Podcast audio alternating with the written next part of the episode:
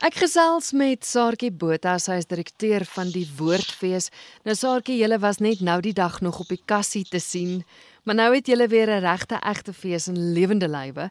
Wanneer vind dit plaas? Want dit is heeltemal 'n ander datums as wat julle altyd fees gehou het. Ja, Christel, ons is gewoonlik 'n herfsfees in in in die begin van Maart, maar vir jaar is ons vir die eerste keer 'n lentefees en die fees vind plaas van 10 tot 16 Oktober met 'n paar klein verrassingkies eh, of ehm um, gewilde produksies wat ons sommer al die aand van die 9de ingooi want om 'n fees op 'n maandagooggend te begin is is moeilikheid soek.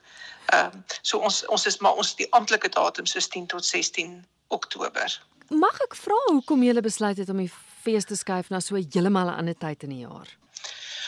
Ehm um, daar's 'n paar redes vir die skuif. Uh eerstens het COVID in die pandemie natuurlik almal se jaarprogramme ehm um, weet lekker omver gegooi.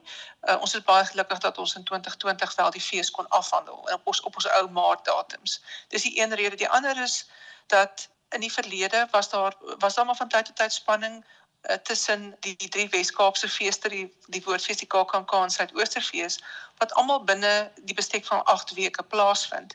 En dan is daar niks in die tweede helfte van die jaar nie. Ons is nie 'n vakansiefees nie waar die ander twee feeste wel 'n vakansiefees of 'n lang naweekfees is en dit is dis baie moeiliker vir hulle om hulle datums aan te pas. So terwyl van die groter bedryf het ons ook gedink kom ons probeer en kyk of dit werk as ons dit in die tweede helfte van die jaar doen en dan die laaste rede is dat Maart maand is nog 'n uh, hoogseisoen piekseisoen vir internasionale toeriste tradisioneel. En dit beteken dat 'n dorp so Stellenbosch wat ongeveer 4.500 beddens het, ons verloor outomaties laat 2.500 van daai beddens in Maart van die internasionale toeriste is hier en hulle betaal natuurlik in 'n wisselkoers wat ons nie meer kan kompeteer nie. So die aanbod aanbieding van die fees is baie duurder in Maart. En dit gaan nie net oor oor gastehuise verblyf nie, dit gaan oor iets soos 'n kragopwekker ook. Ehm um, daar's baie aktiwiteite in die so, laat somer in in die Wes-Kaap en kragopwekkers word oral benodig, so die aanvraag is baie groot, so die pryse styg baie. Proporsioneel is dit vir ons amper 26% goedkoper om die fees in Oktober aan te bied. So gaan dit nou dan nou met ander woorde van vanjaar af elke jaar in Oktober plaasvind. Ons weet nie, ons moet eers kyk of mense kom want uiteindelik is dit wat dit gaan bepaal is. Is dit vir mense gerieflik om in Oktober 'n fees by te woon?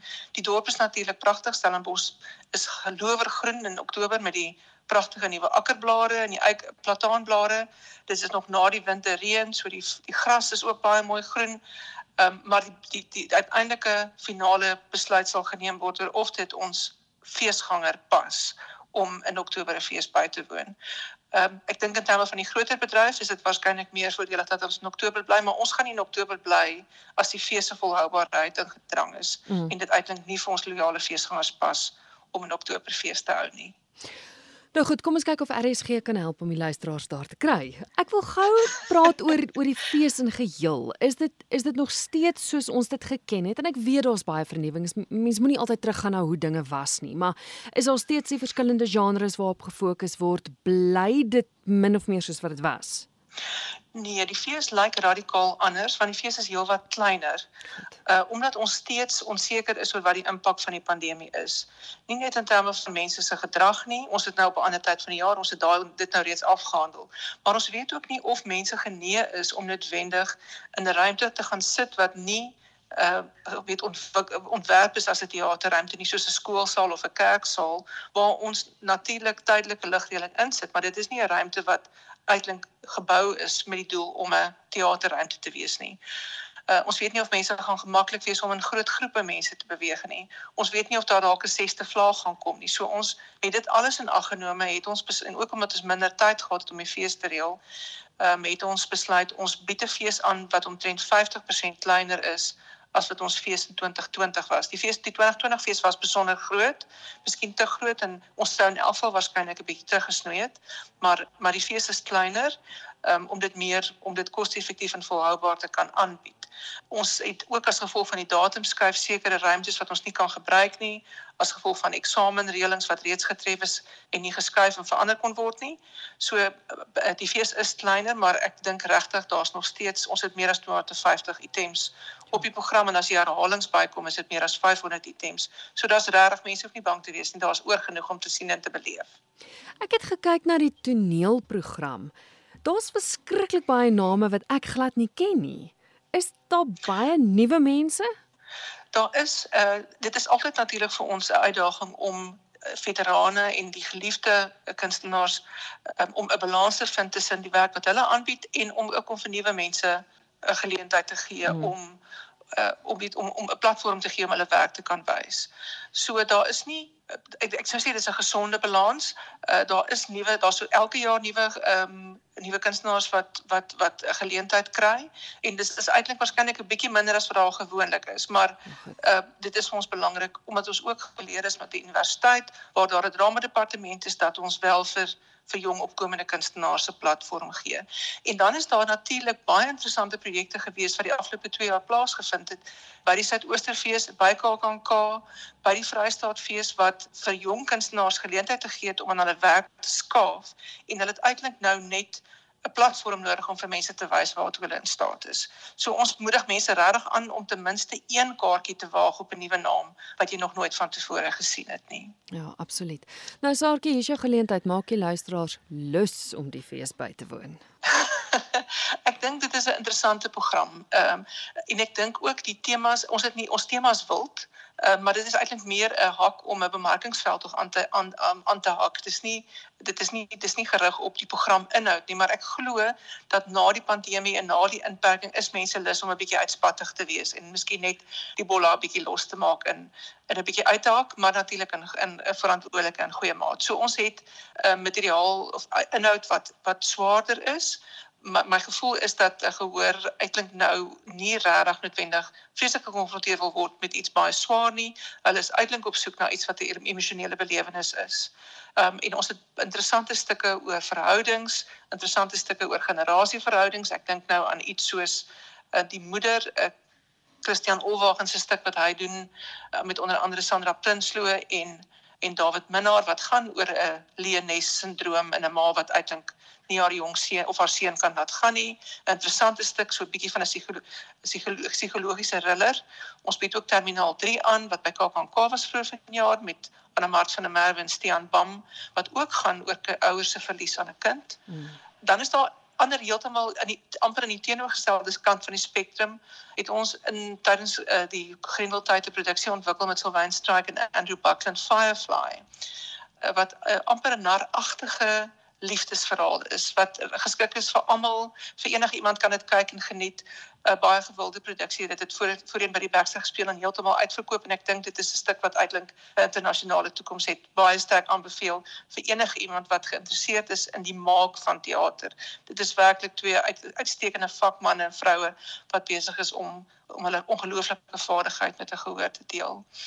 Dan het ons 'n ander interessante produksie 'n akkerboom en dit is 'n interessante konseptuele oefening. De Klerk Olofse is die akteur wat daaraan speel en hy het vir elke vertoning 'n ander 'n uh, gasakteur wat nog nooit die stuk gesien het of gelees het nie. En De Klerk sê letterlik vir die akteur voor hoe om te speel. En dit is 'n stuk wat gaan oor 'n verlies aan 'n kind. So dit is swaar. Dit begin met 'n ongeluk en en dit gaan oor verskillende stadiums van verlies. Maar dit wys ook iets dit lig ook 'n sluier oor wat toneelspel is en wat mense weet wat waar die akteurs gaan om te kan speel. Dis natuurlik vrees aan Johan vir die gasakteur. Hmm. De Klerk weet glad nie voor die tyd saam met wie hy gaan speel nie. Ehm um, en elke vertoning is natuurlik radikaal anders. Ja. Dan is daar 'n ander produksie wat vir my 'n hoogtepunt van die jaar is, Die Halwe Huis, 'n stuk wat Ricardo Abrams um, Abrams Abrams geskryf het en Leanne van Rooi geregisseer het met male minnaar in die en is 'n een, een man vertoning is uitstekende ongelooflike kragtige storie oor gebroke huise en gebroke verhoudings en hoe gebroke almal uitklink is. Eh, nie net as gevolg van die pandemie nie maar maar net sommer en hoe 'n samelewing uitklink niks kan doen aan hierdie gebroke mense nie. Is regtig ongelooflike ongelooflike goeie stuk. En dan is daar 'n ander interessante stuk wat ek tog mense se aandag op wil vestig.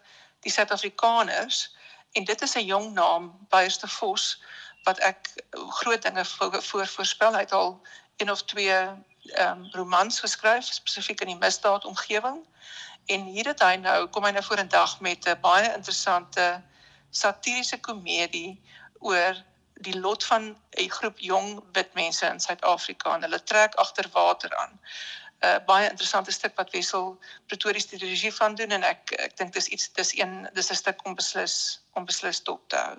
As ek dan miskien kan kyk na die musiekgedrewe uh, teaterproduksies, is ons baie opgewonde om die Poetry Say weer weer by die feeste kan aanbied. Dis 'n stuk wat in 2020 gespeel het en as gevolg van die pandemie nooit vlekke gekry het nie. En in my 7 jaar by die Woordfees is dit waarskynlik een van die top 5 produksies wat ons ooit aangebied het. Uh Dean Bali absoluut magnifiek in die in 'n armsmol vertelling vertolking. Regtig 'n baie baie indrukwekkende stuk wat ek dink almal in Suid-Afrika en almal wat Afrikaans praat behoort te sien. Uh ons het ook 'n uh, ander interessante produksie wat so tussen die verskillende genres val is die sewe doodsondes produksie met 'n interessante ontstaansgeskiedenis. Dis aanvanklik oorspronklik geskryf deur deur Bertolt Brecht en Kurt Weill net na die Tweede Wêreldoorlog, soort van 'n afwys van kapitalisme en die impak wat dit op 'n samelewing het. En die styl is baie interessant, dis kabaret, maar dis ook 'n ballet en ook 'n opera en Henny Oukamp, die gevierde kortverhaalskrywer en kabaretis, het dit in die 80er jare in Afrikaans vertaal, maar net as 'n eerste weergawe, so dit was 'n baie letterlike vertaling. En hierdie dokument is saam met sy ander manuskripte by die Universiteit se Dokumente Sentrum bewaar. En Matthew Wild, die uh, voormalige hoof van Kaapstad Opera, het eh, 'n uh, groot bewondering vir vir Brecht en hy toe besluit hy dink dit moet gedoen word in in Suid-Afrika en hy het vir Charles Johan Lingenfelder aan boord gekry en toe Charles op hierdie dokumente van Oukamp afgekom en dit verwerk. So ons grootste mees ambisieuse poging van jaar is die sewe doodsondes. Dit word by Ad Libertas Amfitheater aangebied en Bianca Lagrange is in die hoofrol. Kort, impakvolle stuk met interessante sang, wonderlike musiek, uitstekende dansers, regtige en 'n viering vir die sintuie. Ek dink dit is 'n dis die naaste aan spektakel wat ons vanjaar by die fees kom. Ehm um, en dan is ons ook opgewonde om vir die eerste keer Cape Town City Ballet by die fees te hê en die ander groot dansgeselskap in Kaapstad Jazz Art wat ook twee kortstukke by die fees opvoer.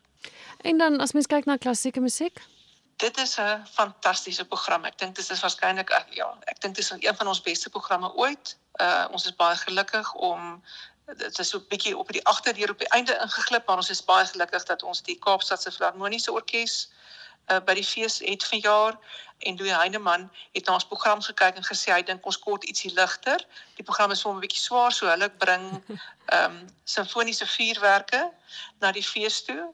Dan het ons Bach toe 'n blaas waar ehm um, vier pianiste onder leiding van Louis Magalhaes en 'n orkes van 20 stuks uh, werke van Bach speel. 'n Bietjie pret met die met die Scullery um, quintet wat uh, se stuk se naam is Pots and Pans and Strings and Things en hulle speel letterlik op enigiets uit en kombuis. Ehm um, gekombineer met klassieke musiek ehm um, instrumente. Dan baie opgewonde om twee drie kore op die program te hê. Ons uh, goeie ou staatmaker die Universiteitskoor van Stellenbosch, dan die dirigent Andre van der Merwe het ook nou 'n tweede koor begin Potjes Cordes, hulle tree vir die eerste keer by die woordfees op. En dan is dit so half effens met 'n met 'n hartseer uh, gevoel neem ons verjaar afskeid van die Libertas koor onder leiding van Johan de Villiers wat um, aan die einde van die jaar die ontbind die koor.